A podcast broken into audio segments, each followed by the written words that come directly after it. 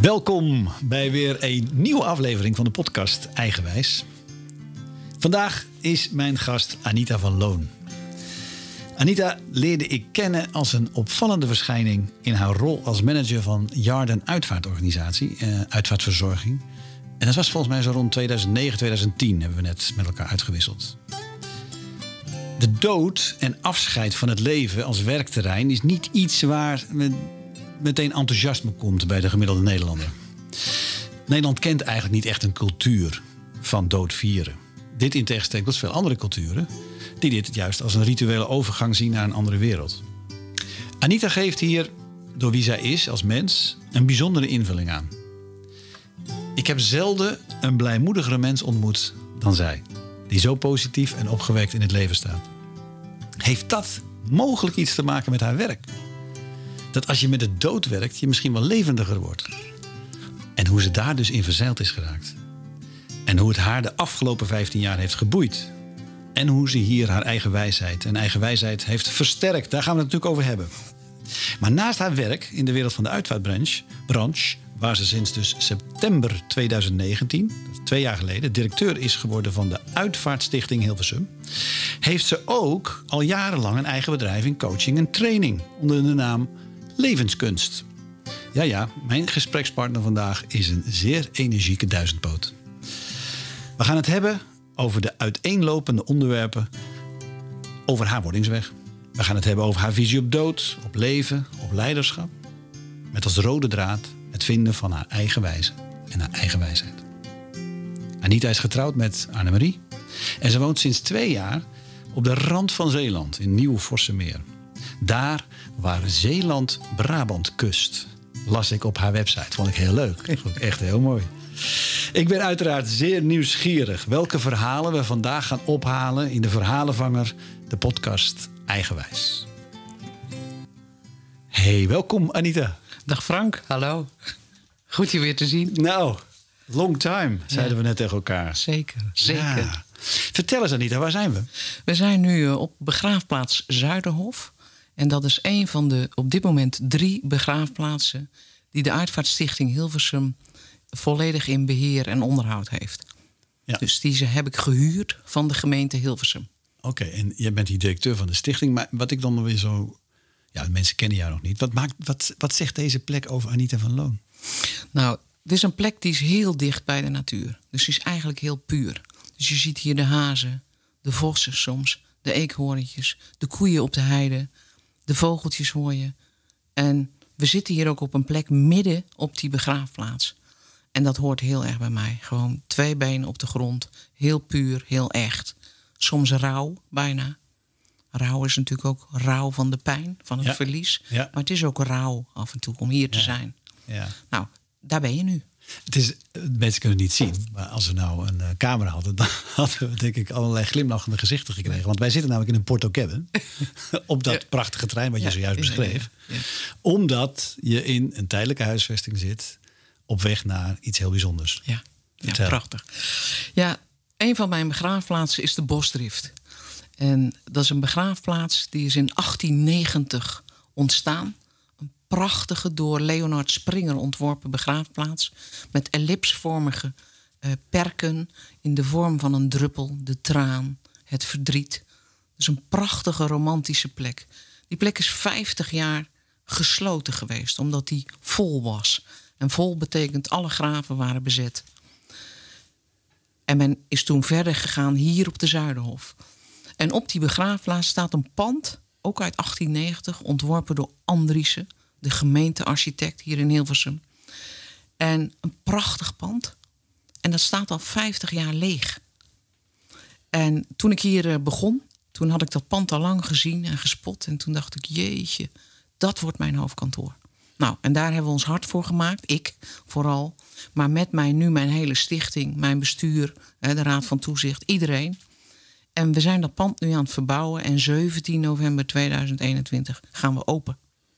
Dus het is uh, al, uh, al behoorlijk ver gevorderd. Ja, ja, ja. We zitten midden in de verbouwing. Ja. Hey, Anita, even voor de mensen die jou totaal niet kennen, want wij kennen elkaar door de jaren heen best, best wel goed. Wat, wat, Anita van Loon, wat drijft je in het leven? Wat geeft betekenis voor jou? Uh, mensen, denk ik. Verbinding. Ik, ik zeg altijd, ik ben een bruggenbouwer. Ik probeer mensen met elkaar in contact te laten komen. Ik probeer uh, mensen die even niet meer verder kunnen in het leven. Hè, dat doe ik vanuit mijn levenskunststukje. Uh, weer zin te geven, weer energie te geven. Uh, als een team niet lekker loopt, uh, ja, dan kun je me best even bellen. En dan ga ik proberen dat team weer vlot te trekken. Dus mensen en aandacht geven aan mensen. En de mensen ook zien zoals ze echt zijn. Dat vooral, dat drijft mij. Ja. Dan ben jij inmiddels, uh, ik weet het, want dat, ik heb je laatste blog gelezen waarin je zelf gewoon beschreef je verjaardag. Hè? Ja. Je bent 62 geworden. Ja. Um, dan heb je al een behoorlijke uh, verleden. Als ik kijk naar je eigen wordingsweg, hè? Ja. zijn er belangrijk, want die laatste 15 jaar is uitvaart, maar daarvoor heb je van alles nog wat gedaan. Ja. Zijn er kantelmomenten geweest in jouw leven die heel veel invloed hebben gehad op wat je uiteindelijk bent gaan doen en hoe je je bent gaan manifesteren? Ja, zeker, zeker.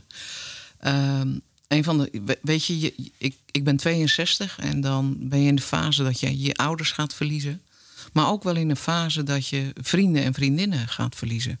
Die net zo oud zijn als jij, of soms jonger of iets ouder. Uh, dus dat, dat proces van ziek zijn en afscheid nemen, maar ook weer verder gaan, dat heeft me wel gevormd. En dat begon met 2003, mijn moeder, die overleed. Was ik begin 40. En dat vond ik ingewikkeld. En dat vond ik vooral ingewikkeld omdat ik toen al zag dat die uitvaart niet was zoals mijn moeder het graag zou hebben gehad. Maar ook omdat mijn moeder uh, voor mij die wijze vrouw was, waar ik altijd op terug kon vallen. Als ik vroeger een issue had op mijn werk, dan zat ik in de auto en dan belde ik mijn moeder. En dan zei ik, mam, hoe zou u dit nou doen? En dan, gaf ze mij... netjes u, hè? Ja, ja, ja, ja. ja mijn moeder was een vrouw waar ik ongelooflijk veel respect voor heb en had.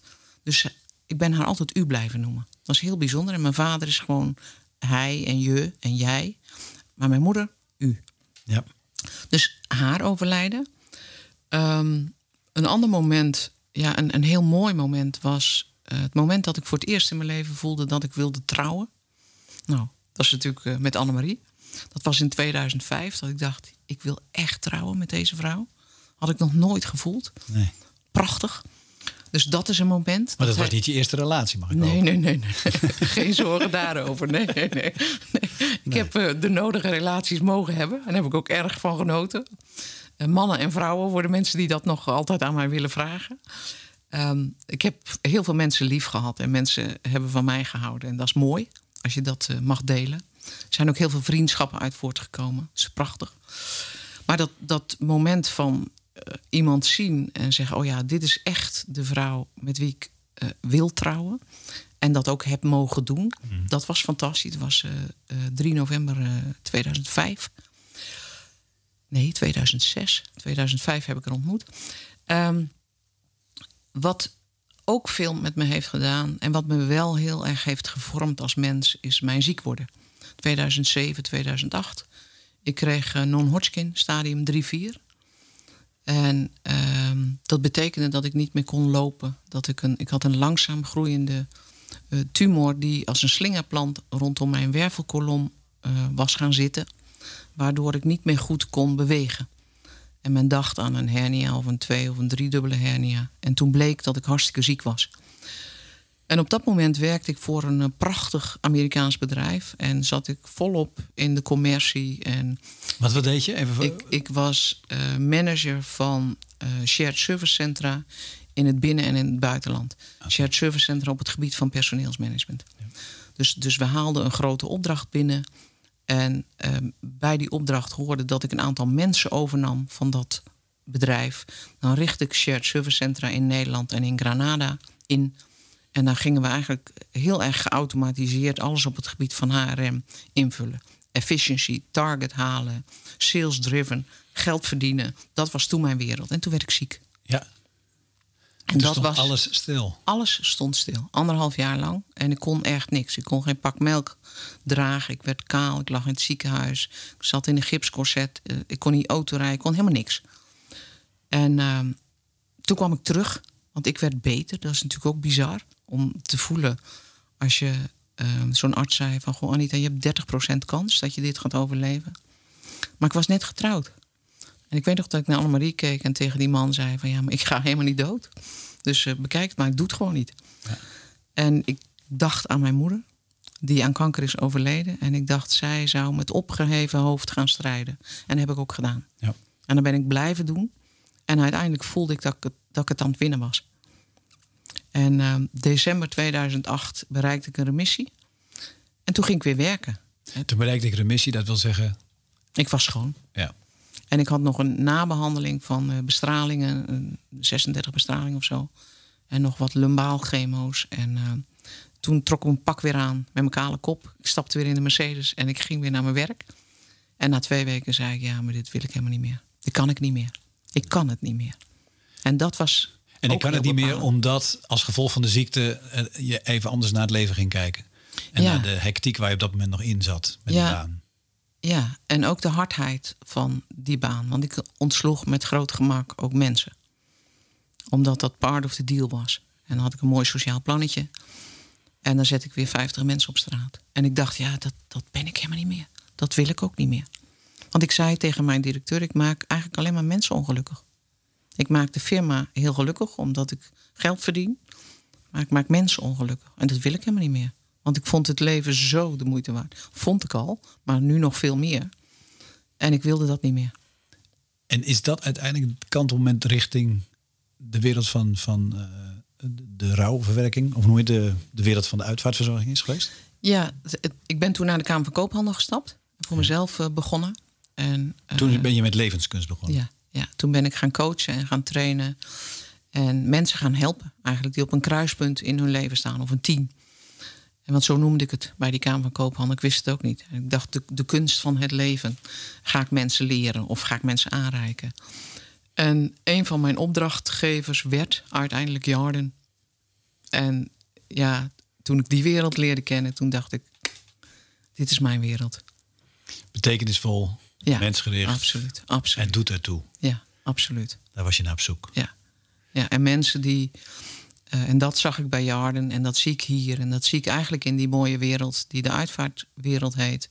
Mensen die intrinsiek gemotiveerd zijn.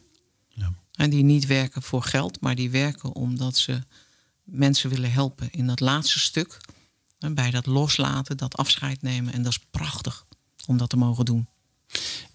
Deze vraag, die bedacht ik gisteren. Toen dacht ik, ja, daar moeten we het over hebben. Wat betekent dood voor jou? als je alle dagen met dood bezig bent, maar ook in het licht van wat je zojuist met ons gedeeld hebt, je eigen heftige periode in 2007. Ja, dood betekent voor mij wel dat je, zover ben ik ondertussen ook wel, dat je er niks over te vertellen hebt. dat iets anders bepaalt wanneer dood er voor jou is. Dat, dat is het. Ehm, maar dood betekent ook dat je ehm, de mensen die achterblijven, de mensen die door moeten gaan met het leven, die moeten ook echt doorgaan. En dat hoop ik dat mensen doen. En dat, eh, want jij gaat dood, maar ik draag jou mee in mijn hart of zo. Maar ik moet nog wel door met leven. En dat wil ik ook. Ik wil niet blijven hangen in dat verdriet. Dus ik hoop altijd dat mensen de kracht krijgen om een afscheid zo vorm te geven dat ze toch door kunnen gaan. Even terug. Dood heb je geen zeggenschap over. Dingen we dat snel met elkaar eens zijn. Maar heb je een soort godsbesef? Of zeg je, hoe kijk je naar dat wat straks er niet meer is? Of wat, wat, wat, wat gebeurt er? Heb je daar nee, ideeën over? Ik, ja, ik heb wel een idee. Ik, ik, ik, en dat was wel mooi, omdat ik met mijn vader zo'n gesprek had, vlak voor hij doodging. Mijn vader was uh, na het overlijden van mijn moeder nooit meer in de kerk geweest. En die kreeg een beetje vroeging toen hij zelf doodging. Toen dacht hij, zou ik nou toch wel in die hemel komen? En toen zei hij, mijn kind, hoe zit dat nou met die hemel? En toen zei ik, ja, dat weet ik ook niet. Ik weet niet of er een hemel is, maar ik weet wel dat als je goed hebt geleefd hier... en als je goed bent geweest voor je medemens... dan komt het daar ook wel goed. Maar daar dan ook is. Dus daar geloof ik heilig in. En dan als ik naar mezelf kijk, dan denk ik, ja, ik ben hier best oké.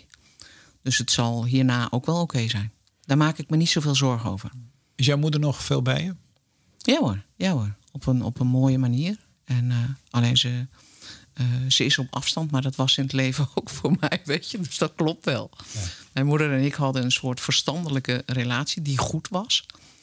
Eh, die was niet heel warm, maar ze was mijn, mijn raadsvrouw, mijn wijze moeder. Uh, en op die manier is ze nog bij, bij me. Je kan nog steeds haar om raad vragen. Ja, ja, ja, ja. Doe ik ook wel. Ja, mooi. Mooi. Ik, ik had als vraag waarom koos je voor die uitvaartbranche, maar die heb je al beantwoord. Uh, ik suggereerde in mijn intro dat werken met het doodje wellicht wel levendiger zou maken. Is dat, is dat een juiste veronderstelling?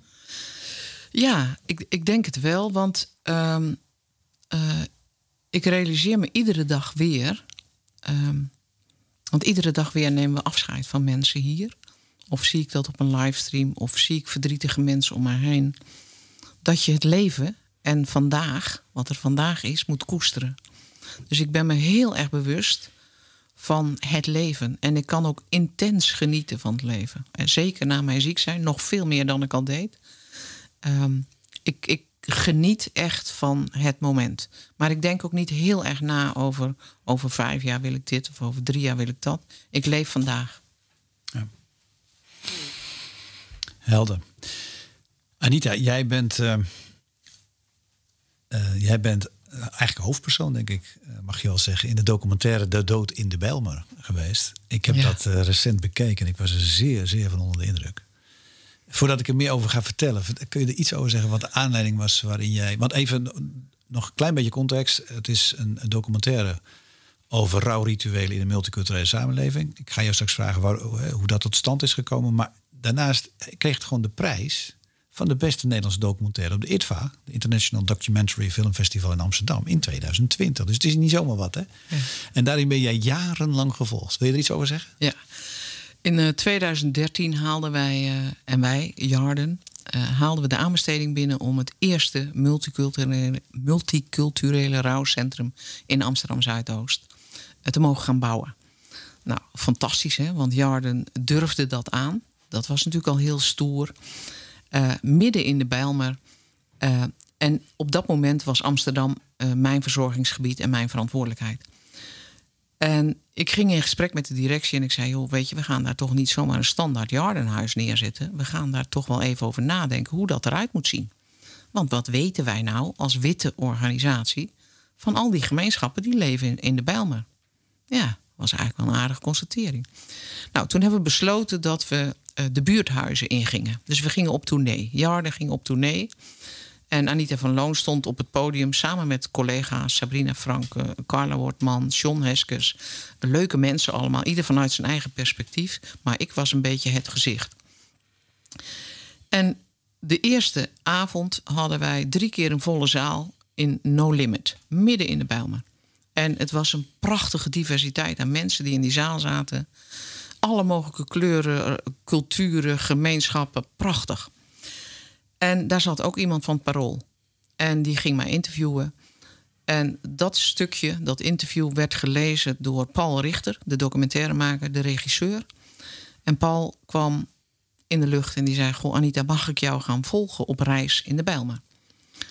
Nou goed, overleg met de directie van Jarden, raad van bestuur en iedereen was het daar wel over eens dat dat misschien wel interessant kon zijn.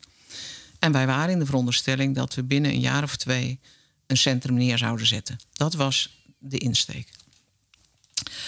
Um, nou, lang verhaal kort, dat duurde en duurde door allerlei vergunningen, door leidingen, door telefoniekabels die er nog lagen. Ik, ik, ik, ik, onder, ja. ik onderbreek je, want ik heb hier de tekst voor me liggen die zo beschreven is over die documentaire. Is dat misschien aanleiding om jij nog wat verdiepende ja, vragen te stellen? Dus dit, dit schrijft men zelf over de documentaire. In de Bijlmer heeft iedere cultuur zijn eigen rituelen rondom de dood. Aan uitvaartmanager Anita de taak om al die culturen warm te maken voor haar nieuw te bouwen multiculturele rouwcentrum. Ze begint vol goede moed aan een kennismakingstocht in deze voor haar onbekende wereld en ziet van nabij de verschillende rituelen rond de dood. Islamitische, Hindoestaanse, Ghanese bewoners hebben allemaal zo hun eigen ceremonies om de overledene uitgeleide te doen. De dood is wel een dingetje, stelde Anita vast. Er moet een keuken komen in het nieuwe centrum, zodat er gekookt kan worden. En een grote ruimte waar lawaai gemaakt mag worden en veel mensen ontvangen kunnen worden. En in de film zien we beelden van een afscheidsceremonie van iemand binnen de Ghanese gemeenschap. Ja. Het is een enorme plechtigheid met heel veel gasten, vrouwen in prachtige jurken uitgedost. En er wordt volop gegeten, gedanst en gezongen. En parallel aan dit verhaal zien we Anita in eigen kring afscheid nemen van een dierbare, van je vader, weet ik. Het contrast is enorm. Ja. Dat is natuurlijk prachtig in die documentaire. Het wordt ook fantastisch gefilmd. Ik kan iedereen aanraden. Je kan hem zo op YouTube zien. Het is echt een waanzinnig mooie documentaire. Dan zeggen ze: de vraag dringt zich op of één nieuw rouwcentrum voor alle culturen een wens is vanuit de Bijlmer. Of een utopie van een uitvaartbedrijf dat de markt wil veroveren. Anita blijft haar best doen, maar door het sterfgeval in haar eigen omgeving neemt ze enige afstand van het project. En is het nog maar de vraag of het nieuwe rouwcentrum er echt gaat komen. Dit even nog om jou te ondersteunen in de Ja. context. En dan weer terug naar jou, want het was me niet twee jaar, hè? het was best veel langer. Nee, ik ben zes jaar eh, gevolgd door Paul en zijn filmploeg. En ehm, inmiddels eh, eh, overleed ook mijn vader. En op weg naar dat overlijden van mijn vader zag Paul dus, want hij kon in mijn agenda kijken, dat ik steeds meer mantelzorg ging verlenen. En toen ontstond ook eigenlijk, ook door alle avonturen die wij beleefden, eh, bij de Ghanese gemeenschap, de Surinaamse gemeenschap, de Islamitische gemeenschap. We kwamen in moskeeën, in tempels.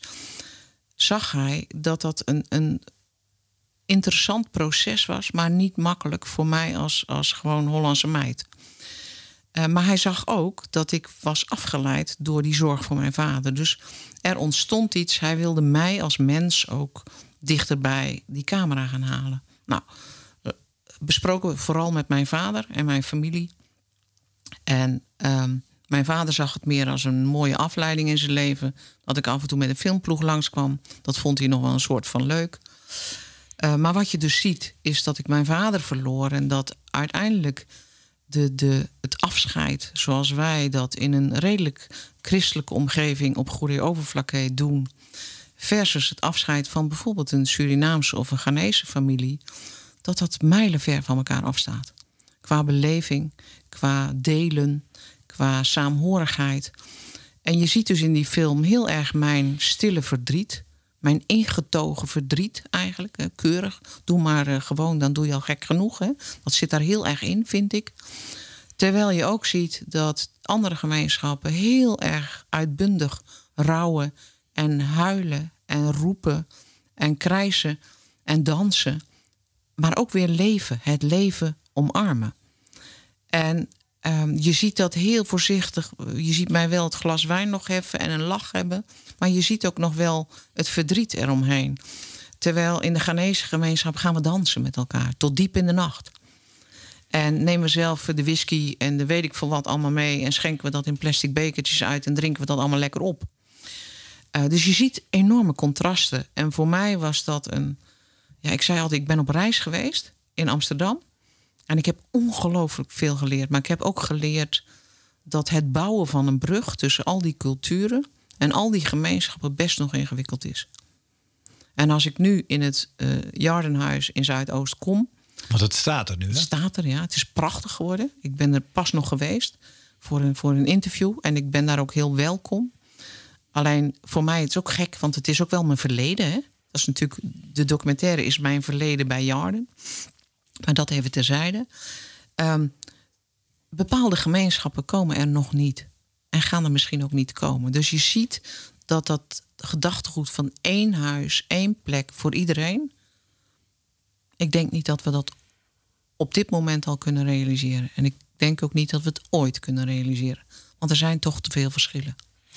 En tegelijkertijd is het wel een uniek rouwcentrum. Ja. Omdat er wel veel culturen bij elkaar Ja, komen. ja.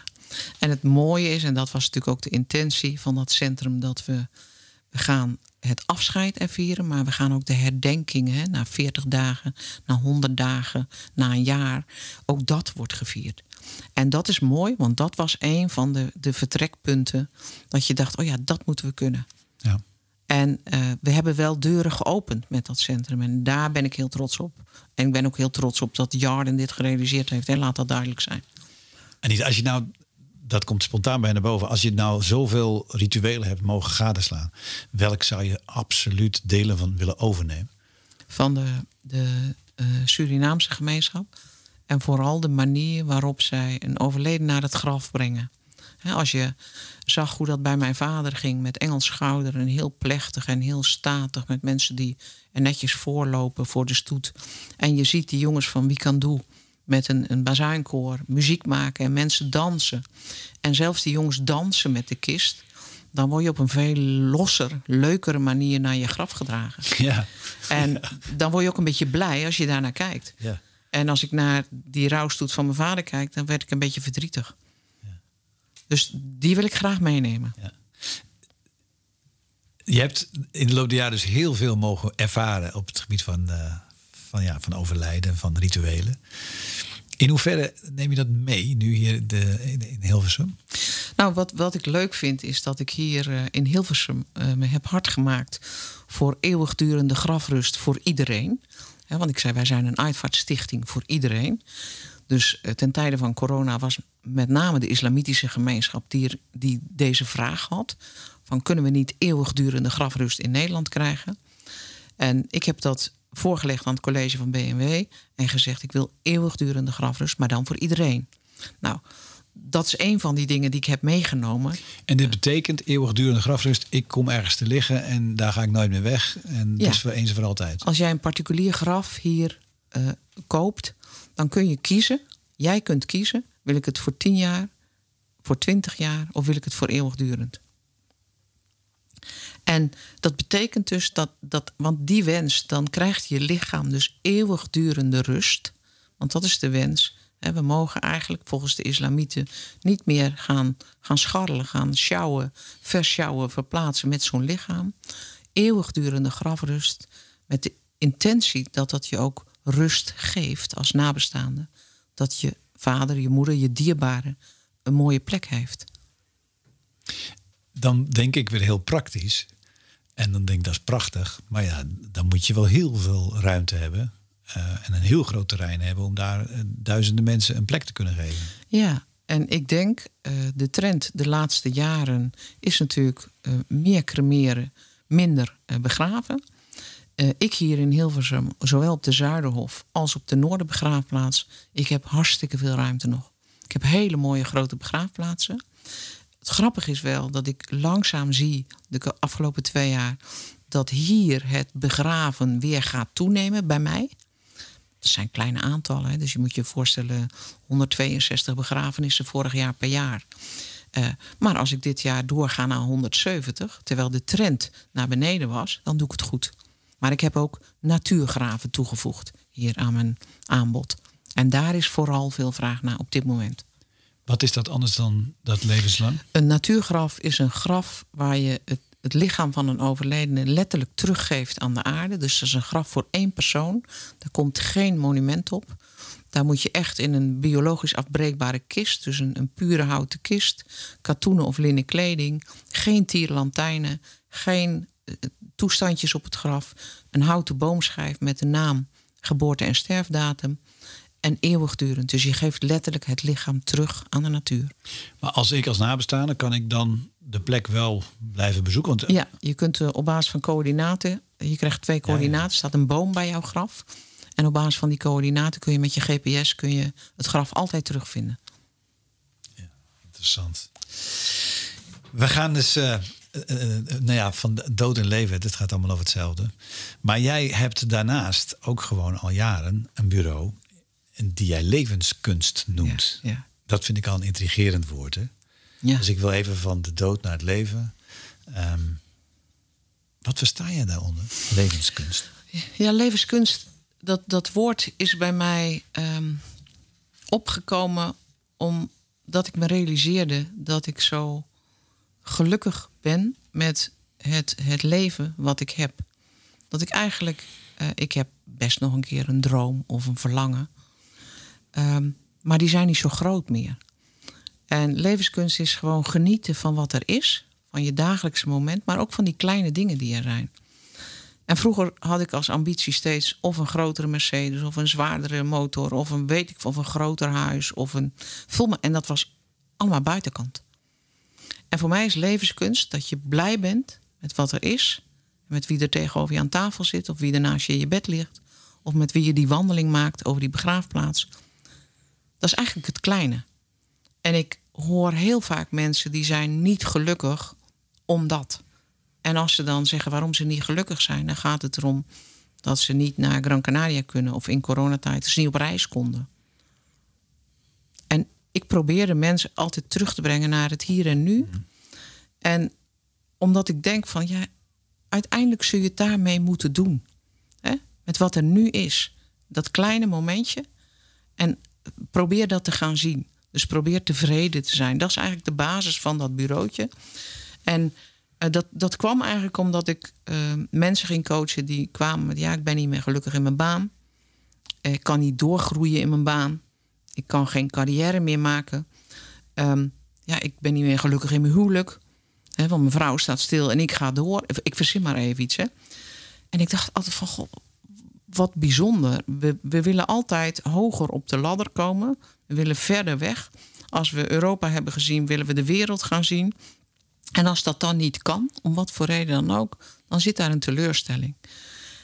En naar mijn gevoel gaat het daar niet zo om in het leven. Naar mijn gevoel is geluk um, ja, hier. Jij en ik nu hier aan tafel. Dat is voor mij hartstikke mooi. Dit hebben we vandaag zomaar. Dat is een geweldig cadeau. Ja. En we zien die cadeautjes niet meer.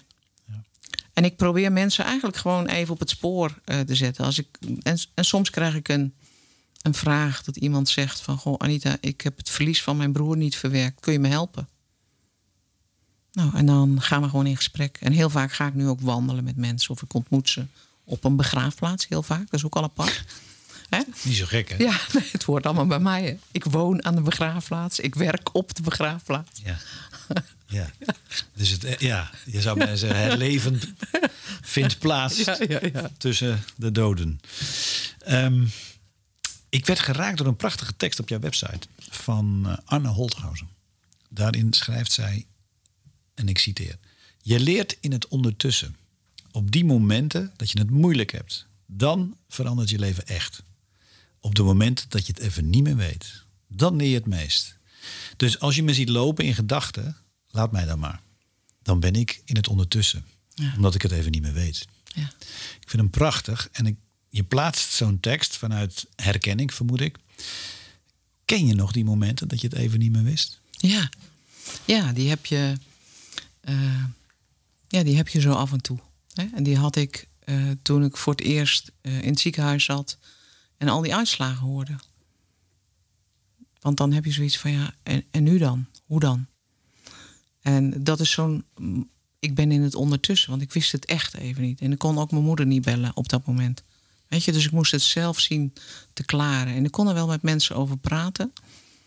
Um, maar dat was voor mezelf wel een worsteling. Hè? Constateren dat je niet veel meer kunt. Dat je, maar hoe ga je dan toch verder? Nou, dat is zo'n moment geweest. Het moment wat je in de documentaire ook terugziet, eh, waar ik op dat stoeltje zit en mijn vader overleden in zijn kist ligt en ik even aan het nadenken ben over, ja, hoe is dat nou om verder te leven zonder die man waar ik zo ongelooflijk veel van hou? Dat was ook zo'n moment. Dan was ik even in het ondertussen. Ja, ik vond het sowieso prachtig, uh, prachtig verfilmd. Ja. Het was heel, eh, ja, het was een heel intieme kijk. Ja. In, ja. Ja. ja. Ben je in Nieuw Vossenmeer ook wel eens in het ondertussen? Ja, heel vaak. Ik, uh, ik ben uh, in principe, uh, de, probeer ik de donderdag altijd vrij te zijn. En de donderdag dan werkt Annemarie. En dan sta ik om, niet om vijf uur op, maar om half acht op of zo. En dan ga ik beginnen met een lekker kopje koffie en een krantje. En dan zit ik nu heel vaak aan een hele grote tafel en dan kijk ik over mijn enorme tuin. Ik heb een prachtige tuin daar. En dat zijn de momenten, dan ben ik echt in het ondertussen. Dan ben ik helemaal in mijzelf en op mijzelf. Dan praat ik eigenlijk ook het liefst niet. Dan vind ik, als de telefoon gaat, vind ik dat lastig. Want dat is een moment waar ik eigenlijk reflecteer op de dagen daarvoor en op het moment zelf. En dan pluk ik een grasje of een onkruidje, een bloemetje soms, zet ik in een vaasje. Ik doe hele onnozele dingen, maar dat is voor mij echt in het ondertussen zijn. Ik hoor je net zeggen, niet om vijf uur. Is dat je normale ja, tijd om op te staan? Ja, ik sta kwart voor vijf op.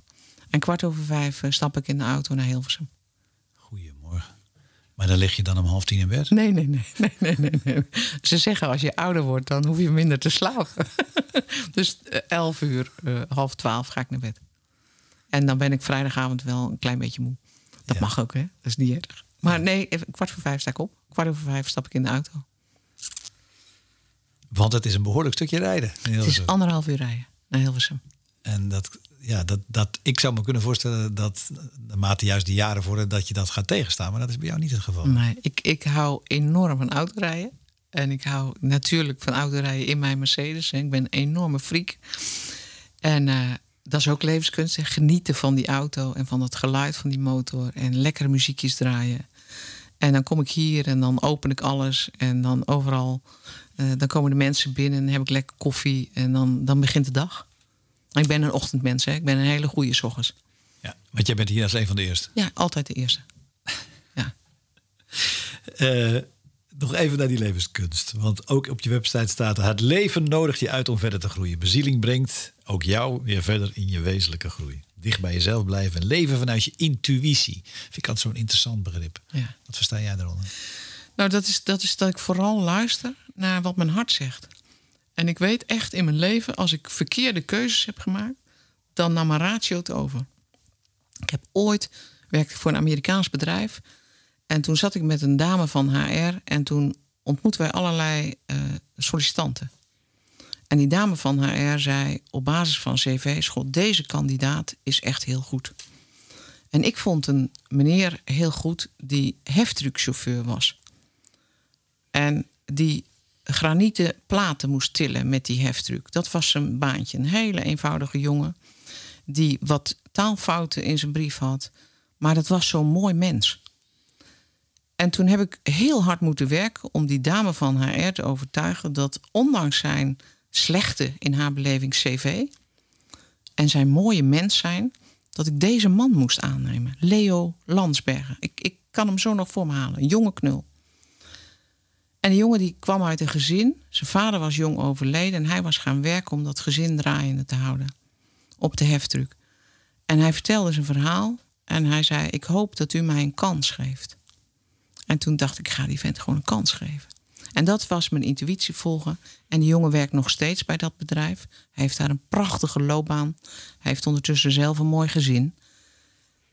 En dat is je intuïtie volgen. Dat is alles wat rationeel is, wegschuiven. En denken, ja, de weg die deze man zou moeten gaan, zal wat langer zijn. Maar hier haal je een pareltje en een super loyale, trouwe man mee in huis. En dat is gebleken.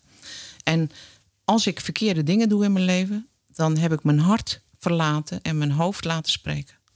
En dat, is, dat is voor mij intuïtie. Ik moet gewoon luisteren wat, wat die innerlijke stem zegt. Mooi bruggetje naar leiderschap. Ja. Die voel je aankomen. Ja, ja, ja. ja, ja. Dat zul je dus ook toepassen in je leiderschap. Ja. ja. En want even voor de luisteraar, 2019 kom je hier binnen. Je hebt toen ik hier binnenkwam het verhaal verteld.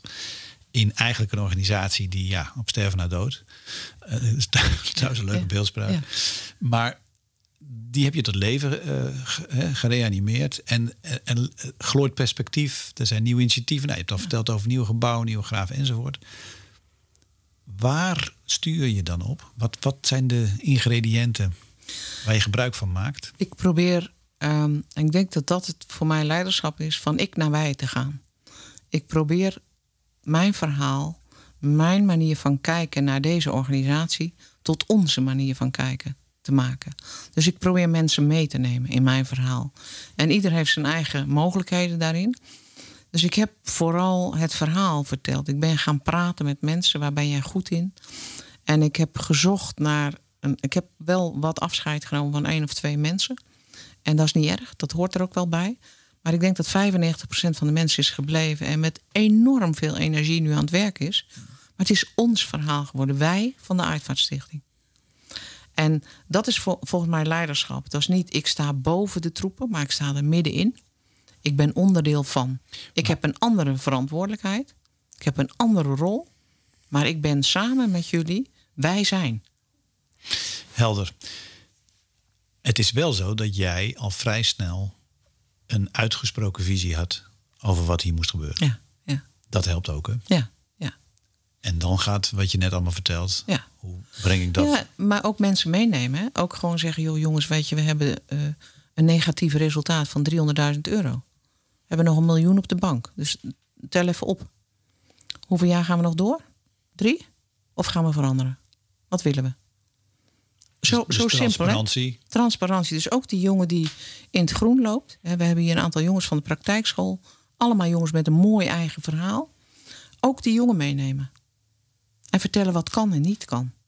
En nu zie je dat wat je ook vraagt aan mensen, iedereen gaat. En iedereen gaat met elkaar. En dat, dat samen, want dan heb je dat synergetisch effect, zeg ik altijd. Hè? Als ik heel hard ga werken, maar jij niet, ja, jammer hè. Dus ik probeer mensen mee te krijgen. En um, leiderschap is, ik zeg altijd tegen mensen, en dan pak ik mijn armband uh, als voorbeeld. Dan zeg ik, dit zijn wij. En we zijn allemaal schakeltjes die met elkaar verbonden zijn. We hebben allemaal een ander taakje, een andere rol, een andere verantwoordelijkheid. Maar als één van ons niet functioneert, loopt die ketting niet meer. Nou, dat. En, en volgens mij is, is leiderschap niet zo ingewikkeld. We maken het ingewikkeld doordat we er allerlei uh, uh, zaken aan gaan verbinden. Waardoor je het verschil blootlegt. En ik zeg altijd, het gaat niet om de verschillen. Het gaat over de overeenkomsten en de verbinding. Helder. Dankjewel Anita. Um, ik heb je van tevoren gevraagd vijf bijzondere gebeurtenissen naar me toe te sturen. Die jij als heel bijzonder hebt ervaren.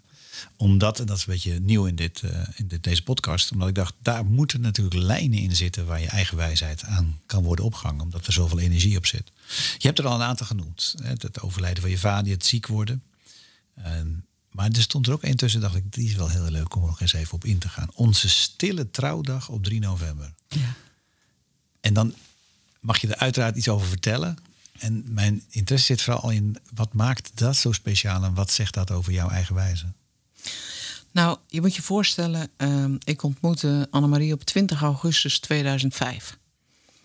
En uh, ik wist dat zij uh, getrouwd was en twee jonge dochters had van 8 en 11. En ik wist ook dat haar ambitie was om. Zij zocht een gids. Zij wilde met iemand spreken die de vrouwenliefde kende. En ik dacht, oh ja, ik ga haar gids zijn. Ik was net anderhalf jaar uit een relatie gestapt, na 14 jaar. En ik woonde alleen. En ik dacht, nou, ik, ik hoef eigenlijk ook geen vriendin gelijk alweer. Dus ik ga deze mevrouw gidsen. En ik weet nog dat een vriendinnetje tegen mij zei: Dat is wel een mooie mevrouw om te gidsen. En toen ik haar. Ja, ik kreeg er allerlei beelden bij. Maar wat bedoel je met gidsen? Nou, ik ga haar begeleiden en kennis laten maken met de wereld van de vrouwenliefde. Want dat was haar vraag. En niet zozeer qua intimiteit, maar ze was nieuwsgierig van. Die wereld intrigeerde haar. Dus ik had haar voorgesteld dat ik haar mee zou nemen naar een aantal bar, bars, clubs, waar dames elkaar ontmoeten. En ik ben jouw gids, letterlijk. Ik neem jou mee en ik stel jou voor als je dat wil. Geen enkele andere intentie had ik daarbij. Maar toen ik haar zag, toen dacht ik van ja, dat is wel een hele leuke mevrouw. Maar ja, ze was getrouwd. Dus ik, dat respecteerde ik heel erg. En um, lang verhaal kort, um, uiteindelijk werden wij verliefd. En toen, ja, toen dan krijg je zo'n gesprek met een echtgenoot. En uh, die zei, ga je haar vragen om voor jou te kiezen? En toen zei ik nee.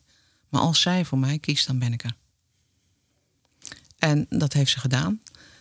Maar je hoort het al een beetje. Uh, haar kinderen, 8 en 11.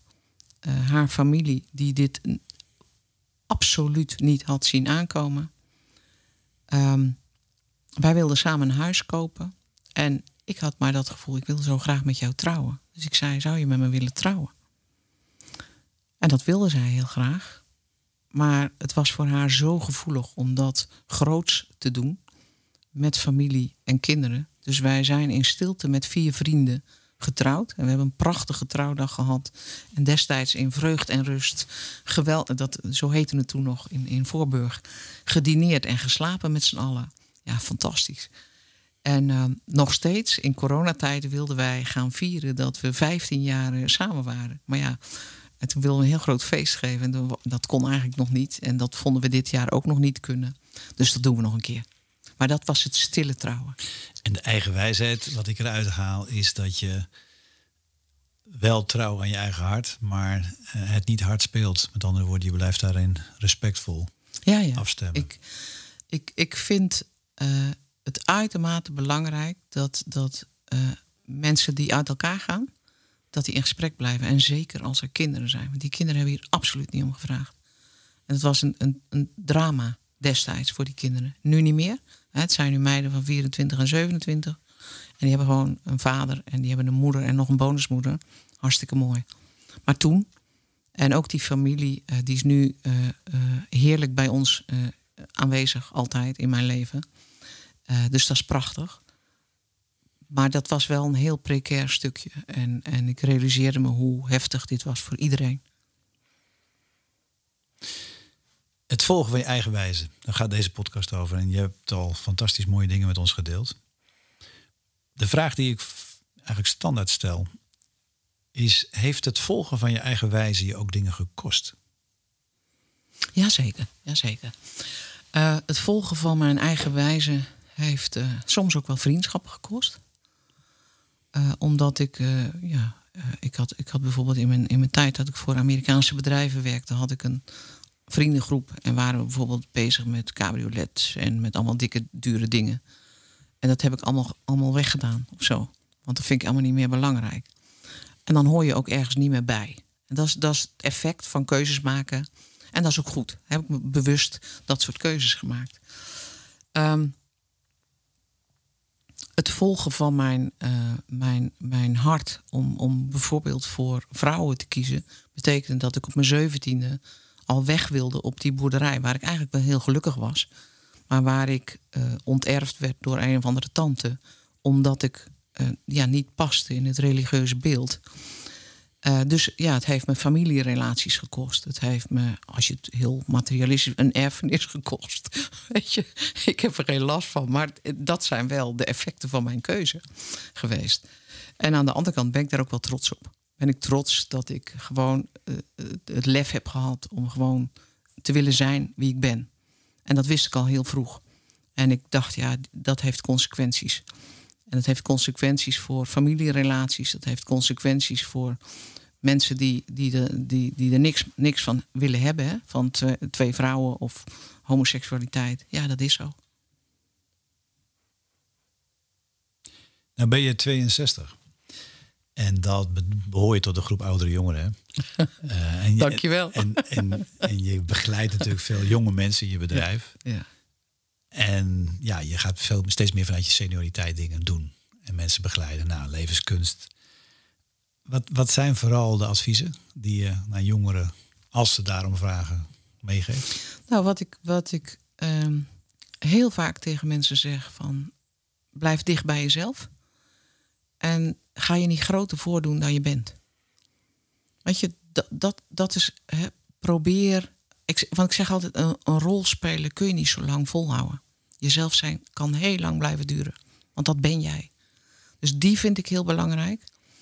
Ehm, en heel soms zeg ik tegen iemand die ongelukkig is omdat zijn vriend wel naar eh, Finland gaat en hij eh, dat niet kan betalen. Van hé hey joh, wees tevreden met wat je hebt. Weet je dat? Dat hele, hele simpele dingen zijn het eigenlijk die ik nu aan mensen meegeef. En niet dat zij nog heel graag nog willen doen. Als we naar de toekomst kijken. Ehm, Eigenlijk zou je kunnen zeggen, wat heb je nog niet geleefd? nou ja, dat, dat zijn eigenlijk hele, hele kleine dingen. Ik zou nog eens een keer eh, met een, eh, een hele mooie oude Mercedes, een oude open Mercedes, eh, een mooie tocht door Schotland of zo willen rijden. Weet je, dat soort Het simpele wel een dingen. Mercedes zijn. Ja, wel een Mercedes.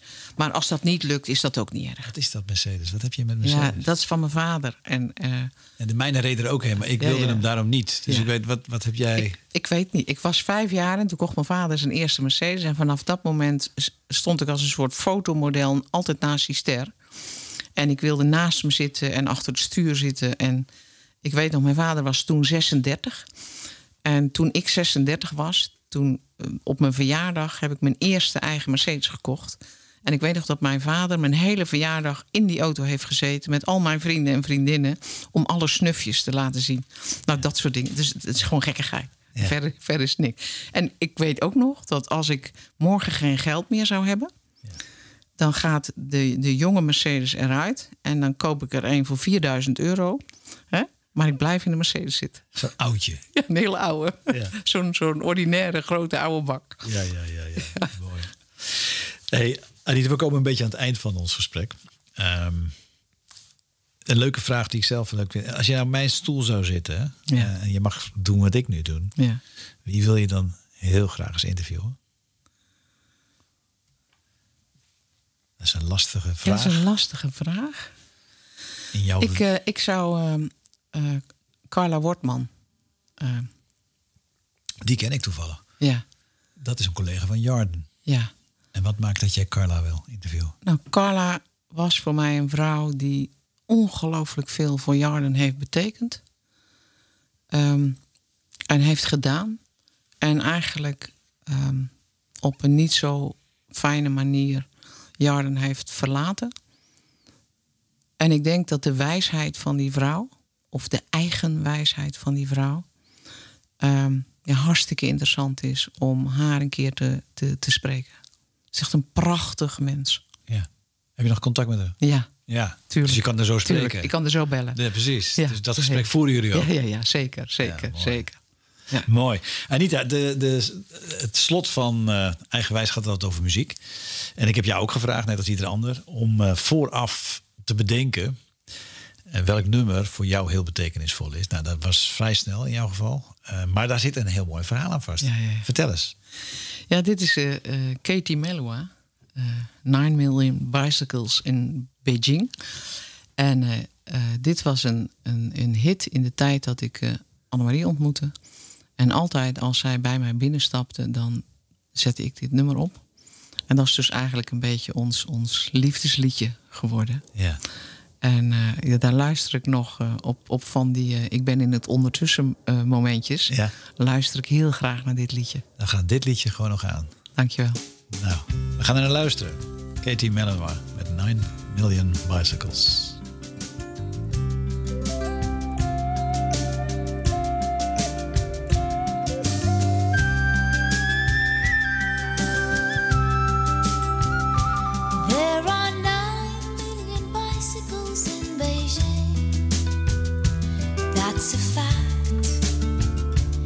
It's a thing we can't deny. Like the fact that I will love you till I die. We are 12 billion light years from the edge. That's a guess. No one can ever say it's true, but I know that I will always be with you.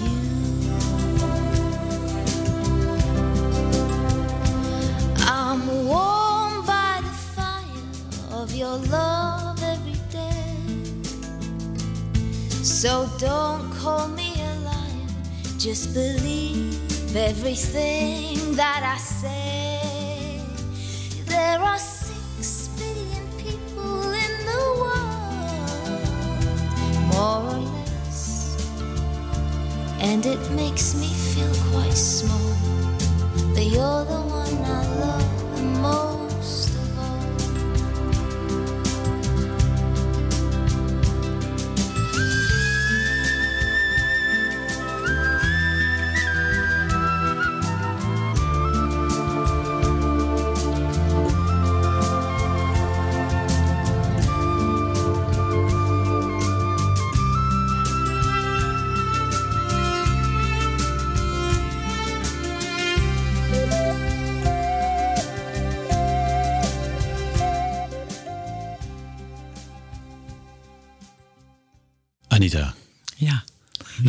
9 million bicycles in Beijing. Prachtig, prachtig, prachtig. Een mooi verhaal ook er- erbij. We zijn een beetje aan het einde gekomen van onze podcast. En dan komt er altijd dit muziekje bij. En die is dan even wat harder. En dan eh, is mijn vraag altijd, hoe heb je het gehad? Hoe vond je het? Ja, ik vond het eh, hartstikke leuk om, om eh, vooral ook naar jouw stem te luisteren. Want dat vind ik heel lekker. Dat valt me ook iedere keer weer op. Maar ook mooi om dat hier zo, dit gesprek zo met jou eh, te mogen voeren. Of, Ja. of jij met mij. Ja. En eh, ja, ik heb genoten. Dankjewel. Wederzijds, wederzijds. Het is heel leuk om elkaar op deze manier toch Ja, weer eens te ontmoeten. zeker, zeker. En eh, aan deze mooie, in deze mooie porten, Kevin. Met een Ja, mooie ja, studio opzet. Ja. Ehm, nog even voor de, de luisteraar. Als je wat meer informatie zou willen weten over Anita... naar aanleiding van dit gesprek... dan is zij heel goed te vinden met nog veel meer achtergrondinformatie. Ik heb al gerefereerd naar die documentaire. Die zal ik ook op de website zetten van mijn eh, van de podcast. Maar je kunt dat vinden op haar LinkedIn-account... en natuurlijk op je eigen website www.anitavanloon levenskunst.nl. Ook dat zal ik er netjes opzetten. Wil je mij, Frank Pronk, nog iets vragen als uh, naar aanleiding van dit gesprek of anderszins feedback geven? Uh, maakt niet uit. Ik vind het allemaal leuk. Ik ben bereikbaar op frankpronk.me.com en ook mij kun je vinden via LinkedIn. Voor nu, heel hartelijk dank voor het luisteren en uh, heel graag tot een volgende keer bij de podcast Eigenwijs. Dankjewel Anita. Dankjewel Frank. Dank je.